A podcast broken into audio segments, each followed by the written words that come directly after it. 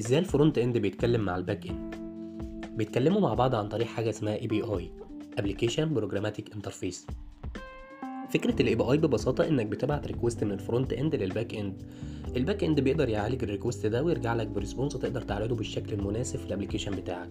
فلو مثلا عايزين نعمل website بيعرض أشهر الكتب وتفاصيلها. فليه نروح نجيب ال data ونبدأ نخزنها في ال database عشان نعرضها في ال website ده؟